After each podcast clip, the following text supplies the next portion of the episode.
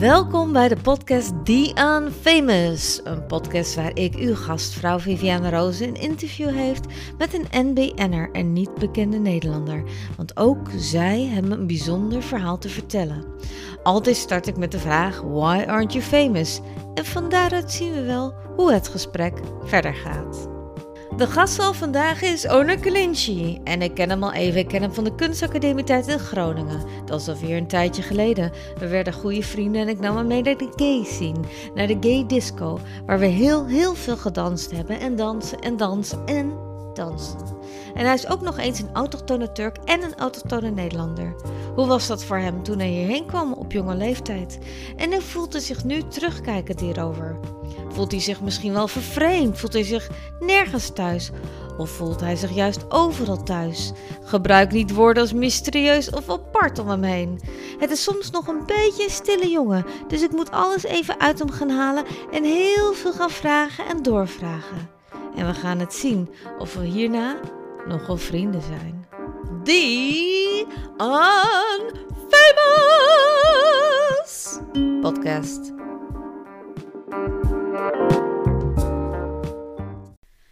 Ja, ja, ja, daar zijn we dan. De eerste keer, de eerste podcast van The Unfamous. Ja, spannend. En ik zit hier dus met Onur Kalinci. Hallo Onur, daar zijn we. Ik vind het hartstikke spannend en ik heb er ontzettend veel zin in. Want ik ga je hele dingen vragen, heel spannende dingen misschien. Maar ik begin natuurlijk met de eerste vraag. Mhm. Altijd, standaardvraag. Why aren't you famous? Oh, wauw, oké.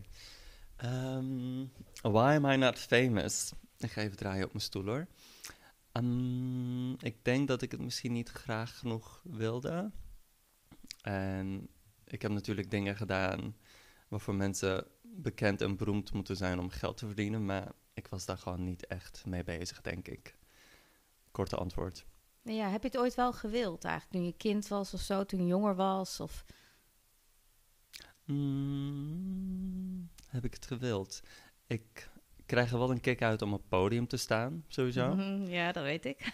En eh, dat heb ik wel heel lang volgehouden. Maar ik denk niet dat ik mezelf als een beroemd persoon ooit in de picture heb gezien in mijn hoofd. Ik heb niet die fantasie gehad, denk ik. Want ik weet wel dat je heel vaak fan bent geweest van artiesten, nog steeds bent van, eh hoe heet ze ook weer, van Turkije? Of, hoe heet ze nou? Hoe heet ze nou? Sezen Aksu. Sezen Aksu, ja. Dus je, bent wel, je houdt wel van fan zijn, dus je bent wel blij dat er mensen beroemd zijn, weet je wel? Ja. Dat je ze kan volgen. Dus, eh, Ja. Maar heb je ooit eh, misschien anders, misschien toen je jong was, als kind ook, heb je wel eens bijvoorbeeld populair gevoeld? Of in, in tijden van je leven, en hoe voelde dat dan voor jou? Nou, het podium is mij sowieso niet vreemd. Mijn vader is zanger en die heeft eh, Ik was helemaal vergeten. op heel veel podia Ja. gestaan. Die heeft ook albums opgenomen, die heeft posters. En ehm, hij is ook heel bekend nog in onze stad. En ehm, En wat is jouw stad? Niet Adana. Amsterdam, ja, ja, ja. hij is niet bekend in Amsterdam. Nee. Nee. Ehm, ik heb zelf ook met hem, toen ik kind was, op het podium gestaan en gezongen zelfs. Ja, echt waar? Ja. De- eh, met mijn zus ook. Die zingt ook nog wel. Maar ehm, het, als kind wilde ik ook absoluut niet doen wat mijn vader deed. Dat was... eh, ja. Waarom was dat, denk je? Ehm, als kind wilde ik sowieso heel erg graag mijn eigen weg inslaan. En ik wist dat ik heel anders was dan mijn vader. En ehm, ik wilde altijd dingen doen die niet, niet... Ik wil niet zeggen geaccepteerd, maar toch anders waren. Ja. En in Turkije is het toch iets moeilijker om daarmee door te breken misschien. En neem eens een voorbeeld. Kan je iets noemen? Ehm, ik ben altijd meer een danser geweest dan een zanger. Ik ben altijd meer ehm, toch de raardere dingen. Probeer daarbij Wat te zijn de denken, raardere dingen? ja. Eh, Bedoel je ook qua uiterlijk of qua dat je iets vrijer bent om op dat moment te beslissen wat je wilt? Heeft het misschien ook wel te maken met dat je natuurlijk ook gay bent? Dat Ik- soort dingen. Of ik ik- weet niet hoe oud je was toen je dat al besefte natuurlijk en of je daar bewust van was. ik denk rond de acht, zeven, acht. Ja. Want toen was ik al heel veel met mijn vader op pad. Hij was altijd ehm, in de public eye. En wat ik toen ook wel zag, je wordt wel heel erg geleefd. En mensen hebben bepaalde Ja. verwachtingen. Ja. Ehm, zelfs heel specifiek bijvoorbeeld dat je bepaalde nummers zingt. En ik ben daar te eigenzinnig voor, denk ik. Ja, we hebben, ik denk dat we niet voor niks elkaar op de kunstacademie ontmoeten. Mhm. Natuurlijk op kunstacademie ben je veel vrijer. Ehm, ja, hoe, hoe ben je eigenlijk eh achtergekomen dat je naar de kunstacademie wilde? Was je al, ja, je was natuurlijk al wat vrijer qua denken en je wilde die vrijheid en de kunstacademie had het. Maar ik ken jou een beetje. Het kan ook wel een beetje zijn van, nou ja, dat kwam goed uit of zo. wel een beetje. nou, het is wel, het is wel, nou ja, het is niet een heel grappig verhaal. Ik zal het ehm, proberen te vertellen. Ik eh, was op HAVO en ik werd er best wel gepest.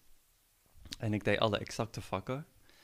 En ik eh, voelde me daar niet meer thuis. Ik wilde heel graag van school af. En dat mocht niet. En toen ben ik steeds... van, van je ouders neem ik aan, mocht dat niet. Nee, nee, nee. Die wist Oh. helemaal niet wat er gebeurde op school. Oké. Ik werd best wel gepest en ik wilde heel graag van school af. Ik wilde er eh, gewoon niet meer zijn. Ik ging ook niet meer naar gymles, omdat ik daar te goed in was. Dus daar werd ik dan gepest Oh. als jongen. Jee. En Ik had het trouwens andersom, ik was te slecht. dat kan ook. met gym durfde ik niet eens meer Oh, te doen, jee. turnen en zo. En ehm, op een gegeven moment deed ik gewoon niet zoveel meer op school. En toen heb ik, ehm, heb ik mijn docenten gevraagd of ik gewoon van school af kon.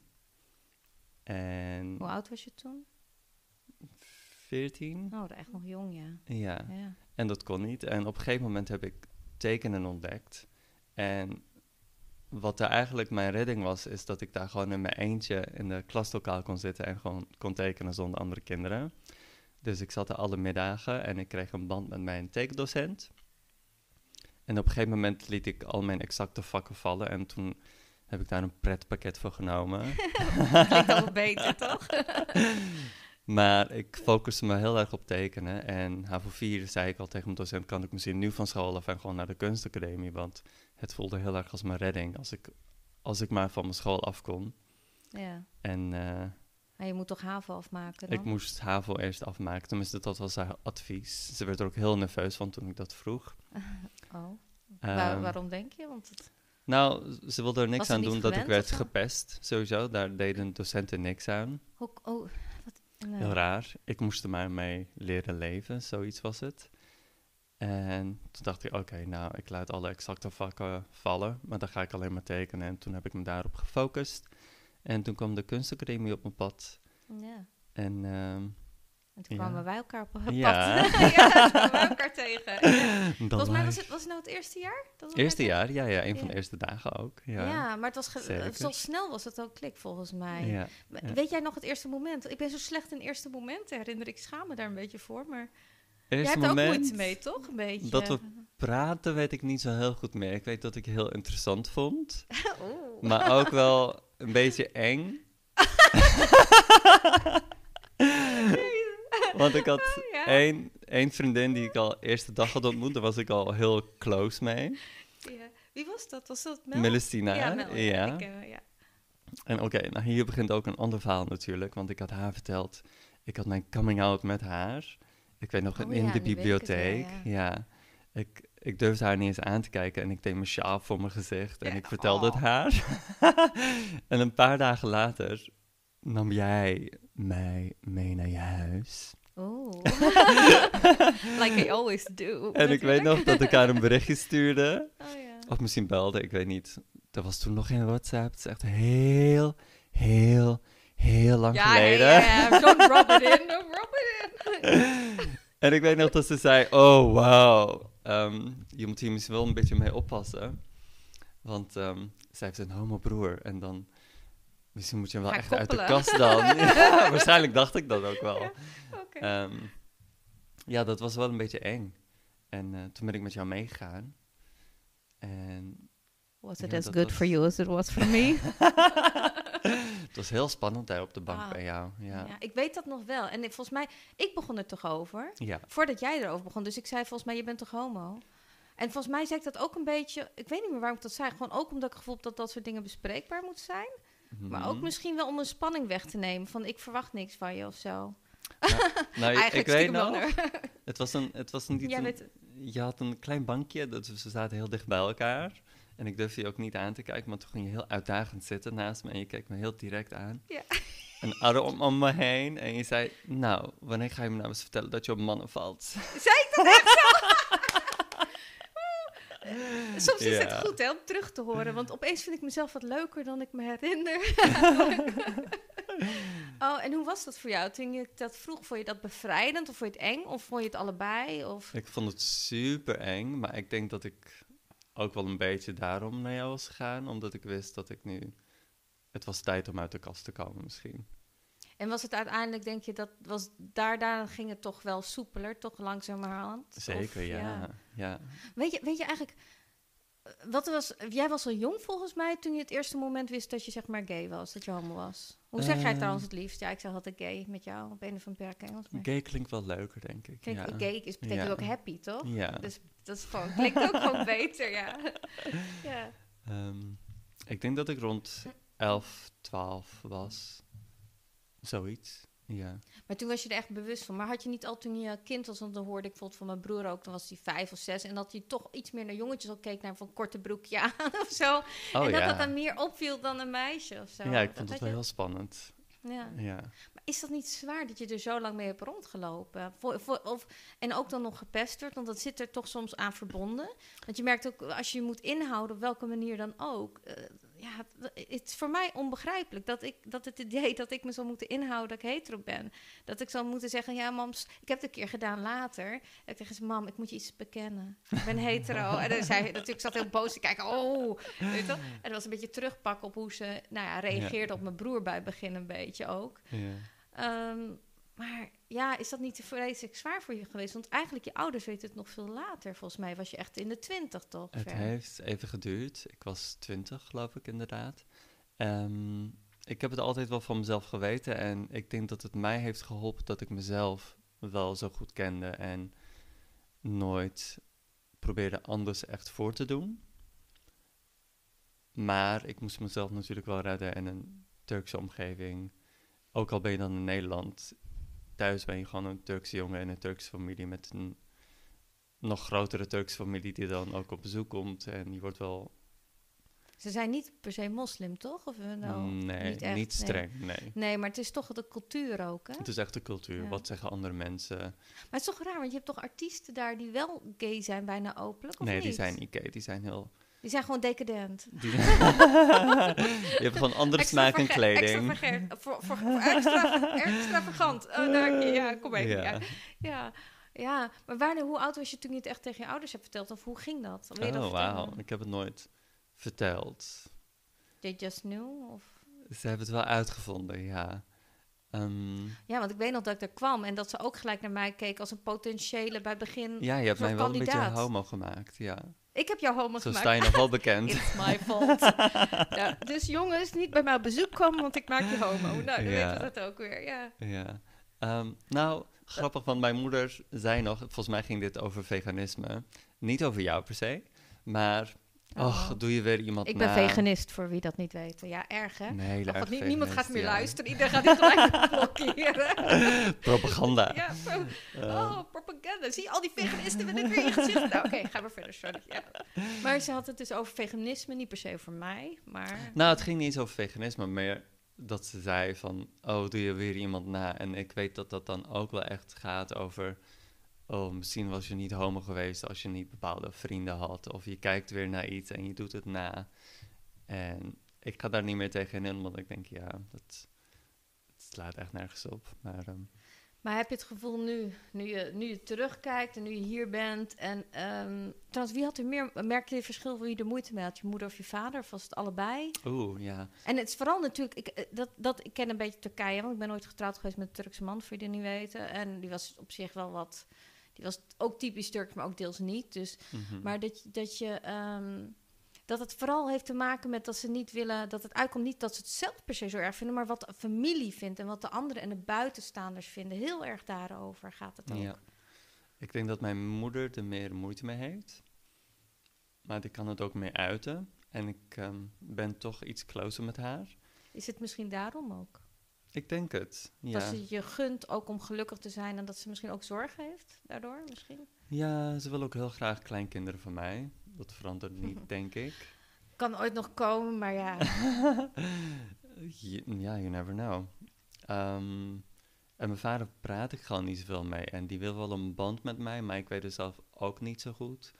Omdat ik, nou ja, ik weet gewoon dat ik nooit de zoon ga zijn die zijn gedachten hadden. En wat ik nu wel met hem probeer is gewoon iets meer mezelf te laten zien, zodat hij dat misschien ook kan doen. En dat we een andere soort brug vormen. Ik ben nu bijvoorbeeld, ik ben nu geblondeerd, zoals jij ziet. Mhm. En mijn moeder baard, vindt het je- verschrikkelijk. Ja, oh echt? En dat zegt ze ook wel, maar ik vind dat een Ik ja, vind het echt ja, heel gaaf. Maar dat, Thank eh, you. ik vind het zwarte ook leuk, maar ik vind het echt Mm, heel cool. Grijs ondertussen. Maar ja, ehm, maar je baard niet, toch? Die is nog behoorlijk zwart. Nou, oké. Ja. eh, mijn moeder vindt het verschrikkelijk, dus dan zegt ze dat ook heel vaak. En nou ja, dan lach ik er een beetje om. Mijn vader heeft er nog niks over gezegd. Hij heeft er wel eventjes scheef naar gekeken, maar ik denk dat hij dat ook nu niet helemaal durft. Omdat hij weet dat ik dat gewoon niet meer pik. Ik denk, ik- ja, ik denk dat je wat pittiger bent geworden. De Ja. afgelopen misschien tien jaar al een beetje. Ja, sowieso. Ja. Ja, na een tijdje moet je ook wel. Na een tijdje ga je natuurlijk ook op kamers en dan, eh, ja. Ja, ik, eh, nou vooral de laatste twee, drie jaar denk ik, ja, ik, ik zit tegen de 40 aan, dat hoor je natuurlijk niet, maar ehm, je ziet het ook niet hoor. ain't nobody got time for that. Ik, heb, eh, ik wil geen tijd meer verspillen met niet mezelf zijn. Nee, zonde. hè? En het is Ja. jammer dat we zo oud moeten worden om erachter te komen. En, Mhm. en zelfs als je jong bent en je weet dit, want dat kan, dat heb ik ook op zich, wist ik het wel. Maar dan lukt het je toch niet op een of andere manier. ja. Het, het lijkt wel alsof je toch wat gelouterd moet zijn. Eh, ik, ik merk ook, misschien heb jij dat ook, eh, want daar kunnen we het ook wel even over hebben, over uiterlijkheden. Want dan kan ik ook wat grappigs vertellen over jou. Oh? En, ehm, Maar dat je merkt dat ik ben wat voller geworden, heb ik soms last van. En dat zeg ik dan. En aan de ene kant kan het ook minder schelen tegelijk. Mhm. Dus ik, ik blijf misschien die onzekerheden houden of dingen. Maar vroeger was ik bijvoorbeeld, dan was ik nou, een bepaalde tijd eigenlijk gewoon op een bepaalde manier. Nou ja, voor mij als ik er nu kijk, perfect, weet wel. Gewoon niet overigens, niet ondergewicht, eh, eh, goed bewogen, alles goed. En toch was je zo kritisch op jezelf. En, en dat je na een tijdje ook zit van, ja, whatever, je weet wel. En dat dat ouder worden ook soms eh, bepaalde dingen ook rust geeft, andere dingen misschien niet. Mhm. Maar wat ik wilde vertellen, en dan wil ik graag... we hebben natuurlijk met elkaar op de kunstacademie gezeten. En ik moest dat, ik moest daar gisteren ook even een beetje om lachen. Dat, nou, dan hadden we dus de eindexamen en dan moest je gesprek hebben over je werk. En bij mij was het echt nou, een hele discussie over mijn karakter. En hele lange gesprekken. En ik ben natuurlijk echt een debatteerder, een discussie iemand en praat. En jij kon dan in twee zinnen iets zeggen. En dan bleef het even stil. Iedereen, want anderen waren er ook. Het bleef even stil, was een soort zoom-geluid. En dan gingen de docenten gewoon verder en dan kreeg je cijfers. Bij mij was alles ook, ze gingen ook mij discussiëren als karakter. En ik weet nog, dan hadden we een project, dat weet je ook nog. En dan moesten we, hadden twee weken de tijd om dat in een ruimte te maken. Ja.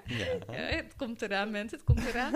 En ehm, ik voorbereidde, echt mijn best doen. En ik had ook een acht. Ik was heel blij. Maar jij hebt de dag Wat van had je tevoren... toen gemaakt? Ik weet het niet, allemaal tekeningen, iets op de Mm. grond, even iets vaag. Maar ik had heel erg mijn best Ja. gedaan. Ik had een Ja. acht. Jij had de dag van tevoren, of bijna Ja. dezelfde dag, dag van tevoren iets bedacht. Dezelfde dag het er neergelegd en je had een zeven.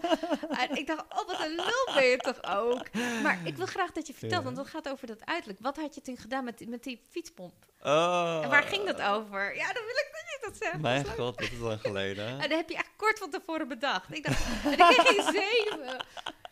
Oh, het gaat ook om emotionaliteit, dat is ook zo. Je was ook goed daarin, dat gaat het Ja. niet om. Maar ik vond het ook wel smichterig soms. Oh, dat Even kijken. Als ik er nu aan terugdenk, ik had een trui, geloof ik. Ja, maar dunne trui, een beetje een Nee, t-shirt trui geloof ik, Ja, toch? wel met lange mouwen. Ja, ja. Ja, en die had ik volgens mij op de grond gelegd. En ik had een fietspomp aan de mouw vastgemaakt. ja. En als ik nu zeg maar. het gaat over dat ik altijd kritiek kreeg, vooral van familie, over hoe dun ik ja. ben, misschien nog steeds. En ehm, een hele specifieke herinnering is over mijn opa. Ik weet niet of ik dat toen heb verteld. Weet ik niet, misschien wel. En ik denk dat het wel heel erg verbonden is daarmee. Ik had een opa die ik niet zo vaak heb gezien. En hij was een beetje een held voor mij. Hij was echt zo'n super opa. Want als we bij hem waren, ik heb hem echt denk ik maar vier keer in mijn leven gezien, dan kreeg ik altijd zakgeld. En dan was hij Oh, ja. super lief. Terwijl het, het was niet zo'n heel lief mens, maar ehm, dat wist ik toen niet.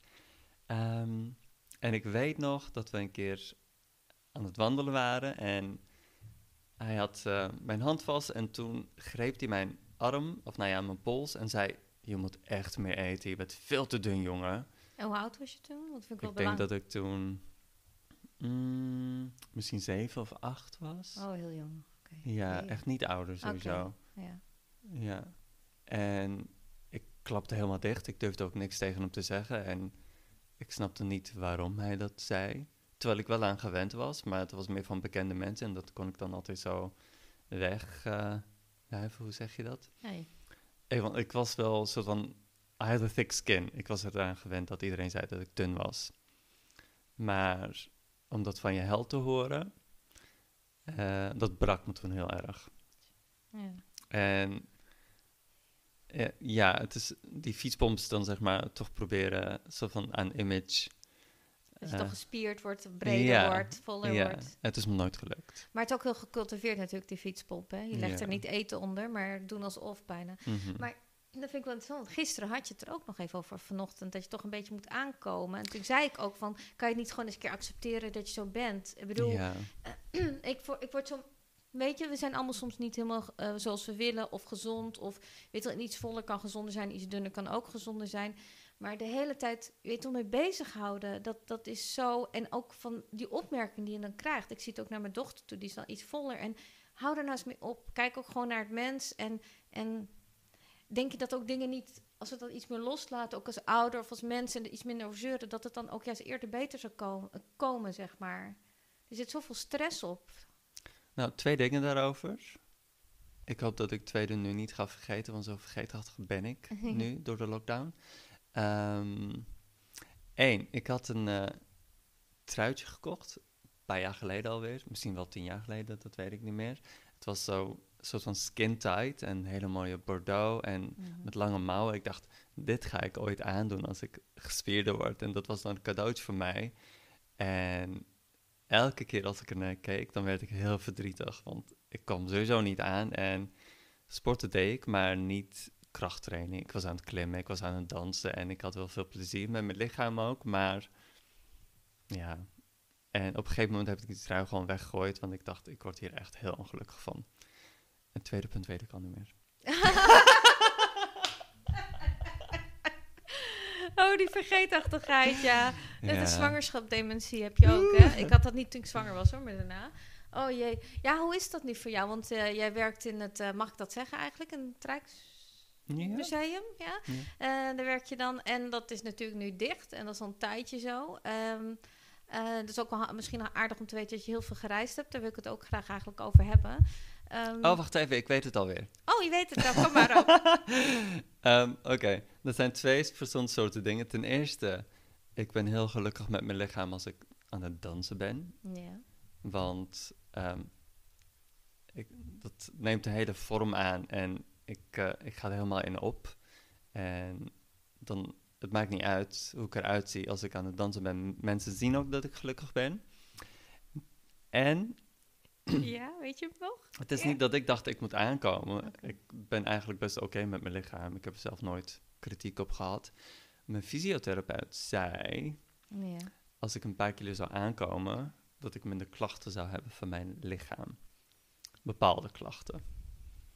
En nou ja, het is voor mij gewoon heel moeilijk om aan te komen. Ja, maar dat is ook lastig te zeggen. Dat weet je pas als je inderdaad zal aankomen. En dan ook een tijdje dat gewicht vasthoudt, weet je wel. En het is zo, ja. Ja, ja. nooit gelukt. Nee. Eén kilo aangekomen ooit in India. Dat is ook wel le- eh, in maar India. volgens mij was Oh. dat na twee dagen ook weer weg, omdat ik naar de wc was geweest in Nederland. Eh, sorry mensen als we soms te dicht bij de microfoon lachen. Maar ehm, blablabla. Eh, wat wil ik zeggen? Ja, over dansen. Want Ja. ik heb natuurlijk, toen, toen ga even terug. Ja, we gaan, we- weet je mensen, we gaan van hond naar her. En als ik iets vergeet of whatever. Inderdaad, dat is de corona-dementie, weet je wel. Eh, dan kan ik het daarop leggen. Eh, toen, toen we natuurlijk, toen je het, nou ja, op dat bankje waar je dus vertelt dat, Ja. dat zij en jij dat toegaf en zo. Daarna heb ik jou volgens mij meegenomen naar de Golden Arm, dat is die gay disco wat toen in Groningen. Oeh, ja. En, en ik ging er al heen omdat, eh, dat is misschien heel kort vertel ik even, ik ging, eh, mijn broer was dus gay en ik ging met hem een keer mee. En ik was in 21, ging heel veel naar hetero-tenten, noem ik dat vaak. En ik voelde heel vervelend om die mannen hoe ze naar je keken. En ik wilde heel expressief dansen, want je kent dat gevoel dat dansen, Mhm. dat je, dan hou je van je lichaam. En dat, dan is je lichaam ook bijna, nou niet alleen functioneel, maar dan is het een soort heeft het een doel of het heeft een gevoel. Het is meer dan alleen maar lichaam. Het is zo nou, heerlijk. Ik kan niet beschrijven. Ik mis het. Oh, Oké, maar ik merkte dat ik me dus veel vrijer voelde in de Golden Arm. En de gay disc. Ik voelde me veel meer geaccepteerd. En vooral door dan eh, homoseksuele mannen.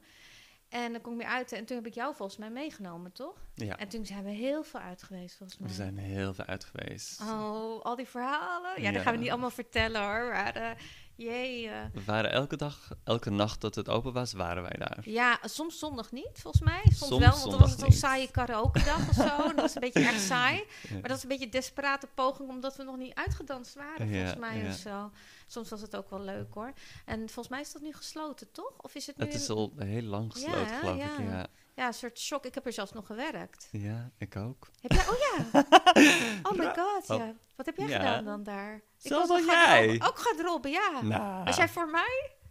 Ehm, Maakt niet uit ik eigenlijk. weet het niet. Ja, Oh. waarschijnlijk wel. En weet je nog altijd als je dan buiten kwam om negen uur, half tien Ja, het was voor jou. Ja. Voor mij, hè? Mm. Maar toen je dan buiten kwam, s ochtends, was het echt alsof je een vampier was die in het licht kwam. Oh man, was je echt, ah, de light. Wel, ja. Maar ik vond echt, het was wel een geweldige tijd. Nou, dat is misschien nog wel een ding, omdat in Groningen, het is echt ehm, 24-7. Dat is echt niet in alle steden zo. In Amsterdam gaat vaak alles vier uur dicht, hè? Oh, ja, want Mhm. dat ging om zeven uur ongeveer volgens mij, hè? Ja, ik weet nog dat ik negen uur naar huis ging soms. Maar ja, dat was vooral ook met door werken, het werken, ja. ja. ja. Dat weet ik ook nog. En dan sliep je en helemaal niet. glamour en...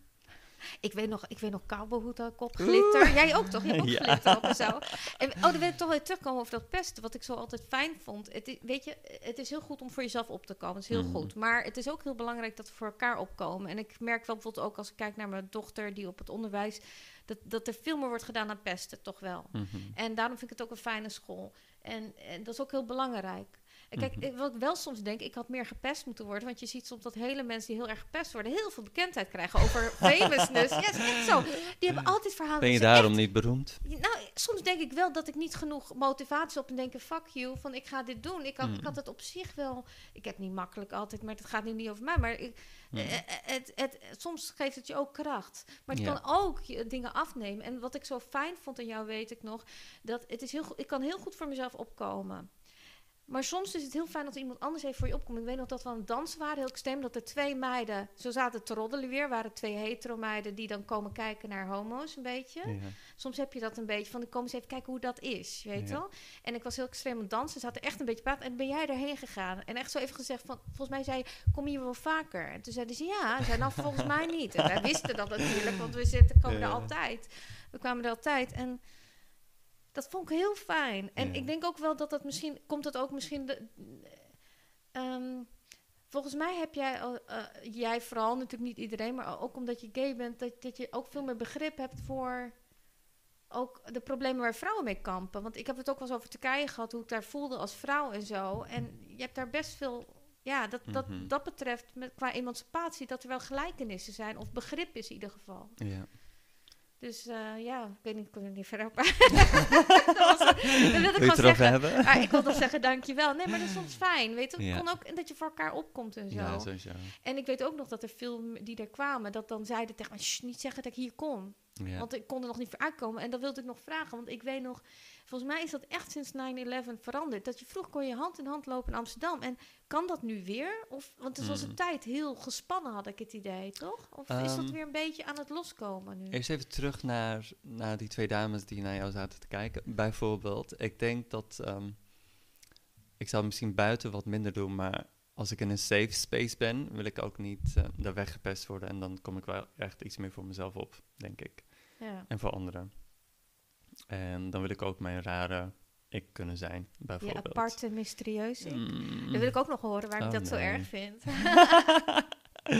En na 9-11, ja, ik heb dat sowieso heel erg gemerkt. En in Amsterdam zie ik echt nog steeds niet echt mensen hand in hand lopen. Maar is dat sowieso? Want ik zie ook hetero-stelletjes bijna nooit hand in hand lopen. Ik heb het laatst één keer gezien en dat viel me heel erg op. Je ziet het zelden inderdaad. Is dat ook iets Nederlands? Want ik kwam weken nog dat ik aan het reizen was in de Balkan en dat ik het kunnen. vaker zag. Ja, Maar dan zie je wel hetero natuurlijk stelletjes daar, niet homo Ja. stellen, weet je Nee. wel. Ja, dat is toch wel, wat is dat? Zijn we gewoon heel amoureus? Of zeg ik het voor niet, uh, uh, um, zeg ik het, nee, zeg ik dat goed? Nou ja, in ieder geval heel, niet gewoon ro- romantisch en, en we zijn afstandelijk geworden of zo? ik denk dat sowieso wel een beetje. En Vertrutting toch? het is, Ook. Niet alleen maar tegen, ja. En nou ja, ik zou het waarschijnlijk ook niet echt durven, omdat je bijna denkt, je gaat echt mensen provoceren. En bijvoorbeeld in Van hand in Amsterdam. lopen, ja, dat is echt. belachelijk. Ik zou het echt niet durven. Misschien in sommige buurten, maar als je daar de hele tijd op moet letten, wie kijkt er nu naar me? En ik ben daar al heel bewust van. Ik durf dat echt niet. Het is toch wel grappig, want gisteren liepen wij in Groningen even. Dan was Mm. ik daar en dan kom ik je tegen en dan nam ik je En je mee. wilt er niet hand in hand lopen, dat weet ik nog. Nee, maar wat ik... Ja, wa- wil ik even een overstapje maken dat je samen loopt. En dat ik merkte van dat mijn gaydar weer begon te werken automatisch met That was jou. me, darling. Ja, dat was echt... Ik was... I lost it. Maar ik, kwam, dacht, hey, ik heb het nog. Het ging weer... Liep, liep, liep, liep, liep. Eh, maar eh, je hebt laatste tijd ook wandeldates gehad, toch? En daar wil ik wel... daar wil ik natuurlijk over weten. Dat is natuurlijk het Oh. spannende. Ja, we gaan van hot naar her, mensen. Dat mag. Oh, even kijken naar de tijd. Oh, we hebben nog eventjes. Dus kom maar op. Nou, ik heb heel veel dates gehad, dus eh, even... In ieder geval, Ja. in ieder geval alles meer dan ik had. Ik had nul. Oké. Maar hou, hou- hoe was dat nou in de coronatijd om te daten? Heeft het ook voordelen voor jou gehad? Misschien dat je beter in gesprek komt. Dat je niet gelijk, eh weet ik veel. Oké, nou ja. Ja, dat zag ik wel. je maakt een gebaar, een soort springgebaar mensen op iemand. Maar oké. Ik heb, ik heb dat heel bewust gedaan. Ik heb. ehm, ehm, Oké, ik ga nu heel open zijn. Ik heb ehm, wel heel veel seks gehad ook daarvoor. Oh. Met verschillende mensen. oh nee, dat staat, gewoon op, dat staat gewoon vast natuurlijk. Nee, ik heb, ik heb te veel last van contacten ervoor gehad, denk ik. En dat dat niet blijvende dingen zijn.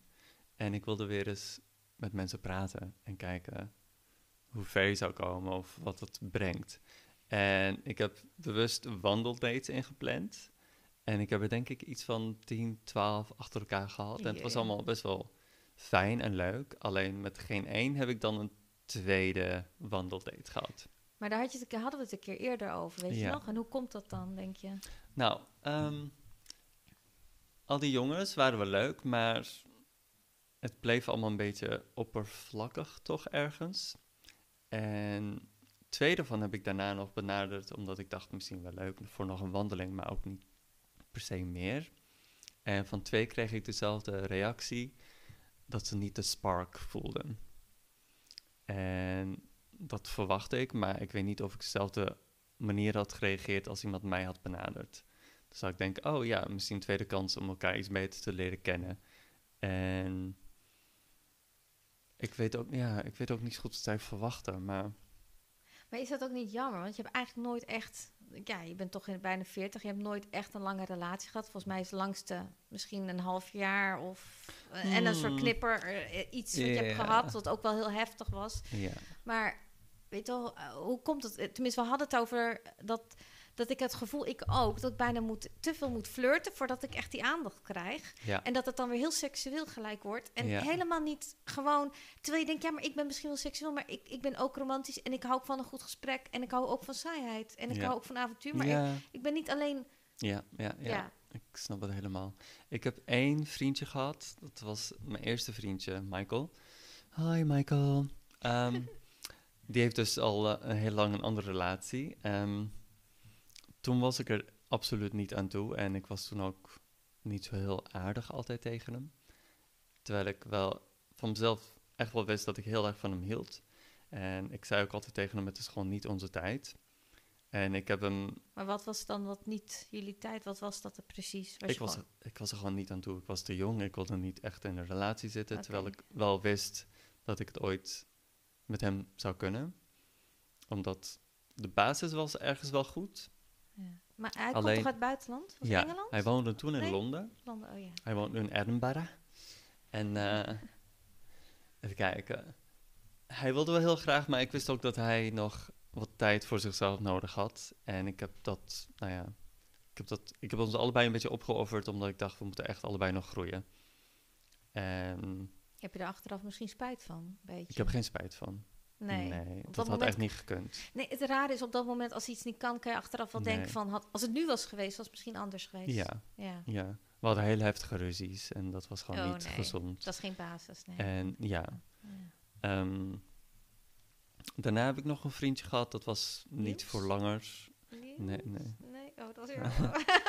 Willem. Ga alle namen noemen, dames en heren, met adres en alles. De laatste, moet ik die noemen? Eigenlijk niet zo'n zin in. Oh, dat was die. Oh ja, nee, die andere was het. Willem. Oh, oh. Willem heb je nog wel Oh gezien. ja, we- ja oké. Ja, dat is alweer elf jaar geleden. Oh my god. Chips. Ja. Ehm, derde was een wat langere relatie. Ik, ja, eh, totaal dysfunctional. En ik had er nog... Ik denk waarom ik zo lang ook bij hem bleef, omdat ik dacht, ik moet nu wel echt een relatie hebben en ik weet dat dit zou kunnen werken, terwijl dat helemaal niet zo was. Ehm, ik denk dat ik eerst even wat beter en gelukkiger, al heb ik al een beetje moeite met het woord gelukkig, maar iets comfortabeler met mezelf moet zijn voor ik iemand anders op die manier kan toelaten. Ja, maar ja, ik heb ook soms het gevoel dat dat gewoon gebeurt. Ja, Daar bedoel ik mee, soms gebeurt iets naturel en dan kan je denken, ik ben er niet klaar voor. eh, Maar die persoon, die combinatie werkt gewoon goed en daarom ben je Ja. er klaar voor. Want je Ja. kan een tijdje van alles, er zit altijd iets mis met je, met Sowieso. iedereen. En er is altijd iets tekort, er is altijd iets waar je aan kan werken. En Ja. nee, weet je, dus ik vind het ook altijd, het het is net zo goed dat, je, dat mensen zeggen, ja, je komt pas de waarde tegen of het gebeurt echt iets als je het niet verwacht. Maar nee, dat, dat als je totaal niet instelt erop of helemaal afsluit, gebeurt er ook echt helemaal niks. Weet je wel, je weet al, alleen niet wie. Dus het is altijd... Nou, ik, ik denk dat ik zo'n klik alleen maar met een paar jongens heb gehad. Dat was Michael en dan misschien een paar anderen die dan toevallig ook in het buitenland wonen, waar het gewoon net niet mee kan. Niet met mijn andere vriendjes. Ehm, als je weet dat het kan, dan zie je ook wel dat die persoon de extra mile voor je neemt of Ja. iets verder gaat dan normaal. En dat is gewoon niet vaak gebeurd. En wat ik heb gezien vaak is door mijn uiterlijk, door mijn gedrag, dat ik altijd een beetje de wildcard ben. Dat ze ook niet denken dat je een relatie zou... Zo heb ik dat gezien, bijvoorbeeld met mijn laatste relatie. Dat ik dan ook niet zie dat hij iets doet om er echt iets van te maken. Zoiets. ja. Is dat een beetje goed uitgelegd? Ja, het is ook hoe je voelt en hoe Ja. dingen gaan en zo. Maar ja, het is toch... Want ik neem aan, je wilt op zich wel een relatie, Ja, toch? Het is niet ja. dat je niet wil. En eh, heb je er wel eens over nagedacht? Want ik denk het ook, als ik word ouder en dat soort dingen. Van nou, hoe zou ik me voelen als ik bijvoorbeeld niet meer lang te leven heb, dat ik bijvoorbeeld alleen ben? Mhm, Weet wel, misschien heb je vrienden of wat dan ook. Maar mhm. hoe, hoe dat is. En eh, daar, als je daar naar denkt, dan kan je ook merken, je kan niks natuurlijk forceren. Dat is het, Mm, je- nee, dit is het moeilijkste. Je Ja. wil, kan wel willen. Is het, ik heb het gevoel, ik, ik, mijn broer is ook aan het daten en ik word zo. Alles wordt zo moeilijk gemaakt door oneerlijkheid. Ja. Als we nou gewoon zeggen van, nou, ik eh, vind je leuk en ik wil geen, maar ik wil geen vaste relatie, want of ik vind je leuk, of dat je gewoon zegt, ik weet het niet, we moeten het gewoon uitvinden. Dat kan Mm. ook, hè? Ja. Mensen willen altijd voordat je gaat daten heel erg van, oh, wil je one night stand of wil je een relatie? Ja. En dan denk ik van, what the fuck, ik weet het toch niet? Misschien wil ik met jou wel een one night stand en met die wil ik een relatie. Ja, ja. En je mag het niet meer proberen. Het is geen, net als wat je daar wil je die wandeldates, denk ik ook. Want je wilt Mhm. gewoon eens een keer met iemand een gesprek hebben, kijken of dat gewoon klikt. Ja. Moet ik wel bij zeggen, je va- het meestal val je op jongere jongens. En soms zijn die toch net als dat jij jonger was, ben je krijg je toen je je jonger was. nou, maar toen jij jonger was, was je ook niet klaar voor die Michael op een bepaalde manier. Was je ook Nee. niet klaar voor de relatie. Dus die hebben dat misschien ook. Dat is gewoon lastig. En het lastige is, alle vaak leukere mannen die ouder zijn, zijn vaak bezet. Mhm. Ik weet niet of je Oh, dat ja. opvalt. Ja, Nou, het is gewoon een ramp, dames en heren. Een ramp, een ramp. Maar Of ze gaan willen vreemd gaan, of ze nou, hebben een het relatie. is niet meer vreemd gaan, dat heet tegenwoordig open relatie. Nou ja, nee, maar ik, nou, ik heb het nu echt over vreemd gaan. Je hebt natuurlijk echte open relaties. Maar Nou, dat- die dat- geloof ik ook al niet meer hoor. Nou, ik ken iemand die dat had en ben ik ook mee geweest. Ja. En die zei ook gewoon tegen zijn vriendin van, of Mhm. zijn vrouw, ik ga, niet, ik ga, ik ga naar Viviane toe, was tijd terug. En die was heel open. En, en hij denkt dat niemand monogaam eigenlijk is. En dat vind ik ook weer pijnlijk, want ik denk, ja, maar daar ben ik wel. Als ik een relatie heb, ben ik gewoon gericht. En dan kan ik ook niet anders. Mijn lichaam, mijn geest wil het gewoon niet anders. Ja. Dat is Ja. ook goed. Alles is goed. Alleen, mensen zeggen ook heel snel open relaties, zodat ze een excuus hebben om maar alles te Mhm. kunnen doen. Is dat ook niet een beetje? Nou, ik denk, er zijn zoveel theorieën, en, maar het komt erop neer dat iedereen gewoon anders is. En er zijn echt duizend verschillende vormen voor relaties. En ik heb zelf nooit de tijd gehad om mijn relatie met iemand echt uit te zoeken. Dat je daar vertrouwen in hebt dat die- diegene ook voor je is. Ik denk dat ik daarom ook niet echt verder ben gekomen. En het lijkt me ook lastig, want je wilt de ene kant niet over nadenken, aan de andere Mhm. kant speelt het toch altijd natuurlijk Mhm, een beetje. Ja, ja. Ik heb als kind altijd gedacht dat ik gewoon een relatie zou hebben. Huisje, boompje, beestje, bij wijze van... Nou. Nou, dat is ook een idee. Huisje, boompje, caravan, I don't know. Ja, hoe is dat trouwens? Want over huisje, boompje, beestje... Beestje. Dat, eh, Huisje en caravan. animal.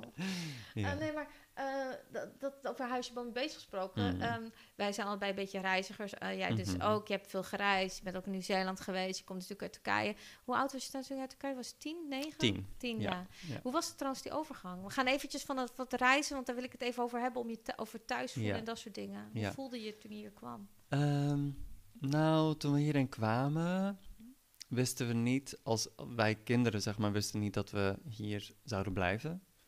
We dachten dat we gezegd, op of? vakantie kwamen. Oh. Of ik weet niet, ja, het is ons niet heel duidelijk gemaakt, denk ik. Terwijl we wel alles daarachter lieten. Of misschien was dat mijn fantasie dat ik dacht, oh, we gaan even naar Nederland. En Nederland was toen heel erg Never Neverland voor mij.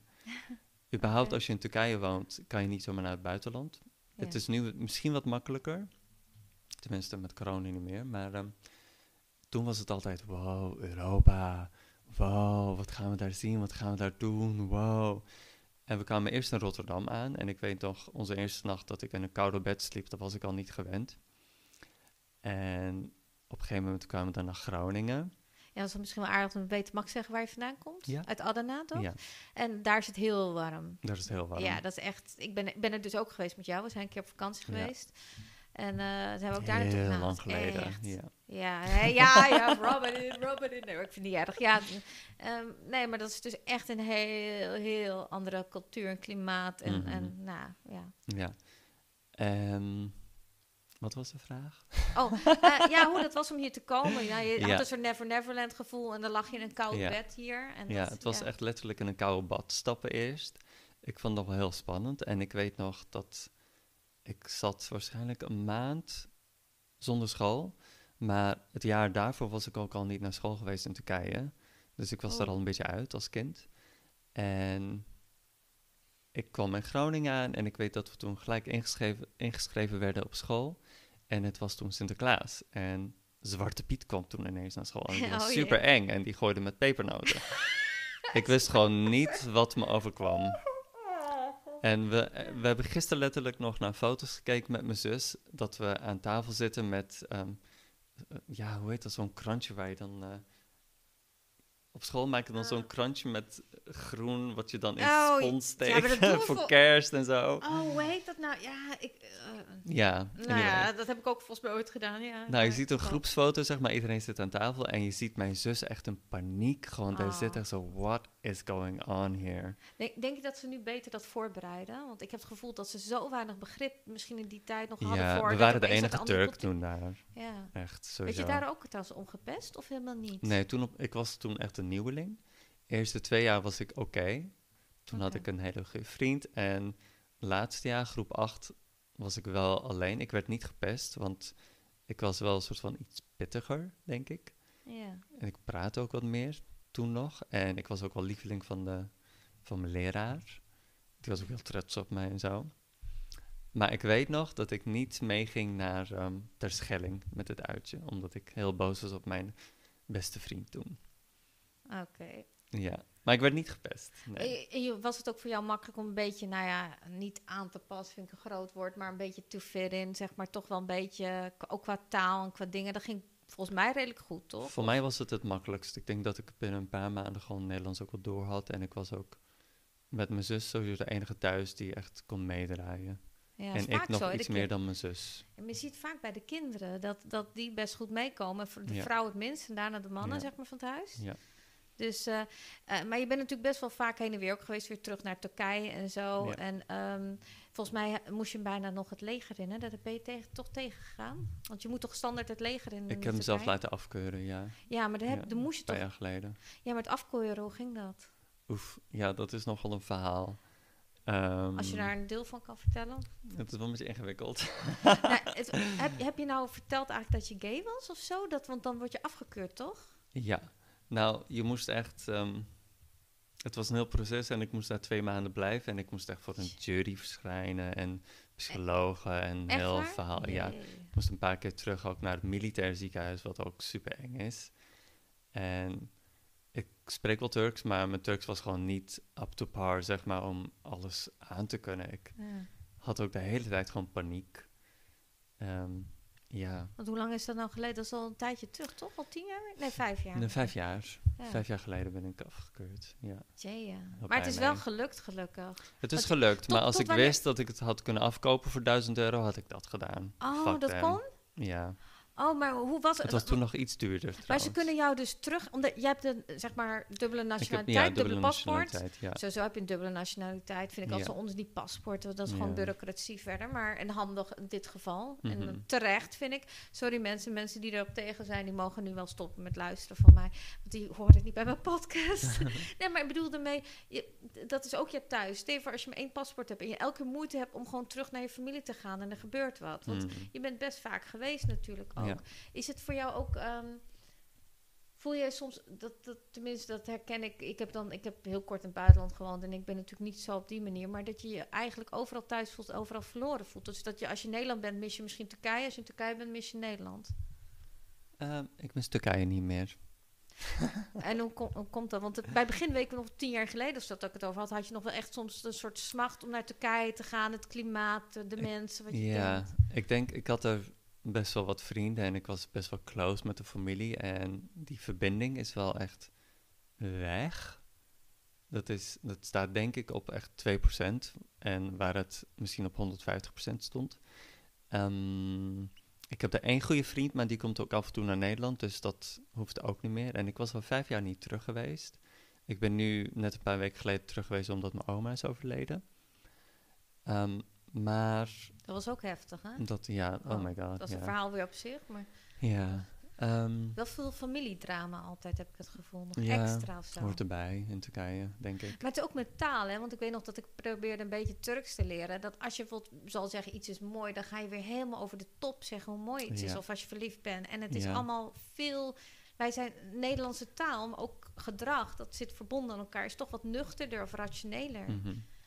The bigger the better, ja. Groen. Eh, ehm, ehm, over Turkije, dat ik me daar misschien niet meer thuis Nee, maar je voel? voelt je dus niet meer. Nou, is dat, geeft dat ook misschien juist rust dat je minder verbonden voelt? Want ik merkte toch wel dat er een soort tweestrijd soms zat. Dat je, dat je overal dan weer in Nederland en wil je weer daar zijn. Of vond je dat juist fijn misschien? Dat is een soort golfbeweging daarheen, hierheen. Nou, specifiek met Turkije is dat ik, als ik daar op straat ben, als ik, maakt niet uit wat ik doe, ik moet mezelf altijd, ik ben altijd op mijn hoede. Omdat het altijd voelt alsof mensen iets van me willen. Maar je hebt toch ook je haar kort geschoren? Want je had je eerst je haar wat langer en Ja. geblondeerd. En, Ja. en toch wel vanwege familie en Ja. gedoe wilde je, had je daar geen zin in. Ik wil dan niet over mijn haar gaan hebben de hele tijd in Turkije. En het was ehm, best wel lang en het was ehm, hoogblond, Ja. eh, een beetje platinum. En ik heb het eraf geschoren. Ehm, een beetje uit respect voor mijn oma. Maar ja, als dat respect is, dan... Ja. Zo dubbel, hè, is dat? Ja. ja, ja. Ik wilde gewoon niet ehm, de center of attention zijn bij een begrafenis. En dat zou het wel zijn als ik daar met mijn blonde haar aankwam. Grappig, hè? Gewoon mijn haarkleur. Ja, Ja. Ja, ja, ja, het is wat je gewend bent. Dat zie je hier trouwens ook. Want ik, ik heb wel tijden gehad, zoals met roze haar in Nederland... en dat mensen de hele tijd opmerkingen gingen maken. Dat je Ja. echt na een tijdje dacht, ik doe het gewoon weer bruin... want ik heb gewoon geen zin om die Ja. reacties.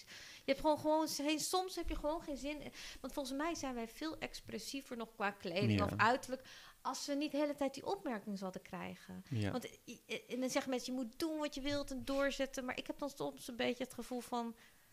ehm, ja, maar ik wil soms ook gewoon rust. Ik wil Mhm. soms ook niet de hele tijd inderdaad die center of attention zijn. ja. Of voor de verkeerde mensen de center of attention zijn. Dat is ook natuurlijk belangrijk. Als je net die leuke jongen ziet, dan, dan kan dat soms handig zijn. Maar eh, ja, dat is, dat is sowieso al lastig, denk ik hoor. Maar daar dan misschien nog meer natuurlijk. Of sowieso. En over dat thuisvoelen. Jij hebt een tijd ook gereisd in eh, Nieuw-Zeeland. En dan Ja. voelde je heel erg volgens mij thuis. ja. En wa- wat was het wat je thuis deed voelen? Nieuw-Zeeland is voor mij heel erg ook wel escapism geweest. En ik denk dat escapism zelf gewoon heel erg een deel van mij is, omdat ik altijd een beetje een Peter Pan ben. En ik wilde altijd eh, elders zijn. Ehm, ontdekken en weg zijn en nieuwe dingen doen. Als kind ook al. Ik eh, rende ook. Nou ja, ik, rende niet weg, maar ik, ik was er wel ook in mijn eentje vaak op uit. Ik weet nog wel dat ik bijvoorbeeld in Adana een keer achter de regenboog, eh, regenboog aan ging rennen. Oeh, om te kijken waar die rennen. eindigde. en dan moest je echt niet meer een Adana gaan doen. ja, ja, Ja, tien gay. dagen later kwam je Gay. eindelijk terug. Ja. Ehm, ja, dat soort dingen deed ik in, eh, als, als klein kind al. Ehm, ik denk dat mijn ouders dat ook wel heel erg in mij herkennen als ik dat vertel. En zodra het kon, ben ik ook in mijn eentje gaan reizen. En ik ben begonnen met de landen die het meest ver weg zijn. En ik kom steeds dichter bij huis nu. Nog steeds Europa gaan ontdekken. Ik, ik denk trouwens dat je meer thuis voelt in Amsterdam dan in Nederland, toch? Ik bedoel, Amsterdam Ja. is toch wel echt de plek. Zeker, ja, ja. zeker. Misschien internationaler ook is. Internationaler. Het is daar ook iets anoniemer. Ik, oh ehm, ja, tell me Ik schrik, er nog een beetje van als ik hier ben en mensen zeggen hoi. Ja, hè? het is wel gezellig hoor. Ik moet er nog weer aan wennen. Al Ik ook, ik in Ik, dacht al, elke keer toen ik hier kwam wonen, dacht ik, wat wil je van me? Ben je zwerver? Want- en toen was ik in Den Haag later en toen was er een van iemand zei hoi en ik zei hoi terug en dacht ik, oh, dat had ik niet hoi tegen moeten zeggen. Was echt een beetje een soort zwerver. En, en een soort echt een beetje, ja, hij zag er niet zo heel eh, vriendelijk uit, laat ik het zo zeggen. Of van die Hmm. mannen, je weet wel. lange regenjas? Ja, zoiets. Oh, Nee, die had ik. Daarom zei je hoi. maar, ja. Maar heb je nu... eh, ja, want ik, ik heb dat gevoel van reizen niet. Voor mij is het niet bijvoorbeeld een soort escape. Want mensen zeggen wel eens, waar ren je naartoe? Misschien heb je dat wel eens gehoord. En dan zeg ik, nou, als ik ergens naartoe ren... En, en is, eh, het is erg, eerder naartoe dan weg van. Ja. Ehm, ik weet niet of je dat herkent. Ja, En het doet je ook zo leven in het moment. En je maakt, je maakt makkelijker vrienden en kennis Ja. en verhalen. En je deelt meer. En mensen, als je op één plek bent, zijn mensen veel gevoeliger om te delen. ja. Ik weet niet of je dat herkent ook. Nou, ehm, ik denk dat ik dat in Nieuw-Zeeland het meest heb gehad. Ik kwam daar aan en ik was gelijk al soort van verlost. En ik was daar nieuw en ik mocht mezelf weer Mhm. een beetje ontdekken. Heel ver weg van alles. heel ver weg. En er was niemand die ik kende. Ik kon weer alles soort van opnieuw invullen. En invulling geven aan mijn eigen leven zonder dat iemand jou kent en daar een oordeel over heeft of advies of wat dan ook. Ik Ja. was gewoon, elke dag was ik mezelf. Soms heb je dat nodig ook, ja. hè, als mens. Vooral als je wat meer buiten dingen valt, zo lang, Ja. weet je wel? Ja. Ja. En En een heerlijk klimaat daar. het was, Ja, het was het echt heerlijk. Ik heb er gewoond kort, hè. Maar Ik- wat, ja, ik ben nog steeds gek op Nieuw-Zeeland. Ja. Ik zou zo gaan wonen. Ik weet niet of ik nog zo ver van mijn familie kan wonen. Maar ehm, Misschien is dat ook omdat je ouder wordt en dat je Ja. weet dat je familie ook ouder wordt, weet je wel. ja, ja, ik zou niet zo ver van mijn moeder specifiek kunnen wonen Ja. ook. Wat is toch die band eigenlijk? Het valt me even vaak op Hmm. dat ook, ook, ook mijn andere vroegere gay friends of acquaintances en ook mijn broer, die hebben altijd zo'n band met hun moeder. Daar, zit daar zit gewoon, meestal, het is niet altijd zo natuurlijk, maar Ja. valt me wel vaak op. Ja, Wat is dat? ik denk Denk dat je? ik als kind vooral de liefde van mijn moeder heel erg heb gevoeld. Ten eerste. En ik weet hoe zij heeft gevochten voor ons, maar ik ken haar verhaal ook een beetje. En ze is wel een beetje mijn heldin. Ik weet hoe zij is opgegroeid en ze heeft ook een heel moeilijk leven gehad. En haar kinderen waren echt haar alles. En op een gegeven moment is er wel een switch gekomen. Zij is ook een beetje mijn dochter. En ik keek ook heel erg op naar mijn moeder als kind, omdat ik haar echt super mooi vond. Ik deed ook wel zijn jurkjes aan. Mijn broer trouwens ook, dus volgens mij. Dus dat zit toch wel erin, ja. Ja, Ja, het is voor mij echt wel altijd een superhero geweest. En ehm, ook een beetje een filmster. Zo zag ik haar altijd. ja. Ze was ook prachtig, nog steeds trouwens, Ja. maar ja. Ja. En ik kan gewoon met mijn moeder praten, omdat ik weet dat er ook veel liefde is. En hoe boos we ook op elkaar zijn, het gaat ook altijd wel weer over.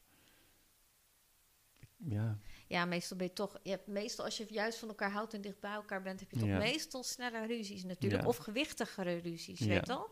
Dat doet je veel meer. Ehm, dus het begint al een beetje tegen het einde aan te lopen. ja, echt, jee, ik, ik heb nog duizend... zoveel ja, bespreken. Ja, weet ik. Dan kunnen we ook daarbuiten doen natuurlijk. Maar dit was wel echt... Ik vond het heel erg leuk. Want ik merk Oh. toch wel... eh, dit vind ik echt leuk om te doen. Want ik merk toch dat... eh, kijk, ik ga ook mensen interviewen die ik natuurlijk straks veel minder ken of bijna niet. Ja. Maar ik merk toch mensen. bepaalde dingen wist ik toch niet. Dat, dat, of, of, of heb je ooit verteld Hm. Ik schrik toch ook wel van het beste. Ik vind, ik heb vind dat Ja. sowieso een onderwerp waar ik heel veel, ik heb heel veel moeite dat mensen dat doen en, en hoe er weer mee om wordt gegaan, weet je wel. Mhm. Maar dat, dat is weer een ander onderwerp. Ehm, ik wil nog kijken of ik toch nog iets voor je heb. Ja, nou ja, we gaan even terug naar het famous. Eh, je bent wel eens mysterieus genoemd, misschien apart en zo. Ja. Waarom heb je zoveel moeite met die woorden? Heel kort even, want daar heb ik het ook in de intro over. Ik weet, we maakten altijd grapjes van, vooral als we over ons werk gingen. Hè? Dan zei iemand Ja. apart. En dat betekende dus meestal, ik kan er geen fuck mee. Toch? Ja, dat betekent toch gewoon... Ja. Het is niet zo van, zo bijzonder of dat is origineel. Nee, apart. Je weet Nee, wel? het is echt een beetje iets dat je zegt als je niet zo goed weet wat je over iemand moet zeggen of zo. Ja, mysterieus ook, ja. En ik heb letterlijk gisteren nog op Grindr gehoord dat iemand zei dat ik mysterieus ben. Ik doe er niet Die- echt die, iets Die heb je voor. gelijk gedelete, zeker? Of niet? Ziet er zo mysterieus uit. Oh, ja. Ehm, ik weet niet, ik heb nog nooit tegen iemand gezegd dat hij er mysterieus uitziet. Het is zo'n non-woord of zo. Ehm, net, ja, ja, ik begrijp. het, ik vind het, het is geen compliment om te horen. Maar het is misschien, soms denk ik, ik wil iets transparanter met mensen zijn. En ik speel er de laatste tijd misschien ook wel iets meer mee. Mhm. Omdat ik niet altijd mezelf gelijk laat zien. Ja. En ik ehm, ben iets meer een observeerder geworden dan dat ik echt direct ben. Dus als ik wat stiller ben, men- vinden mensen mij ook al sowieso wat mysterieuzer. Ik vind je gewoon bloedirritant. Nee heel hoor. Nee, maar je bent soms inderdaad... Want ik ben natuurlijk al veel een kletser... maar ik merk soms met andere mensen... die kletsen dan gewoon hard terug. Of die Mhm. onderbreken me gewoon en wat Ja. dan ook.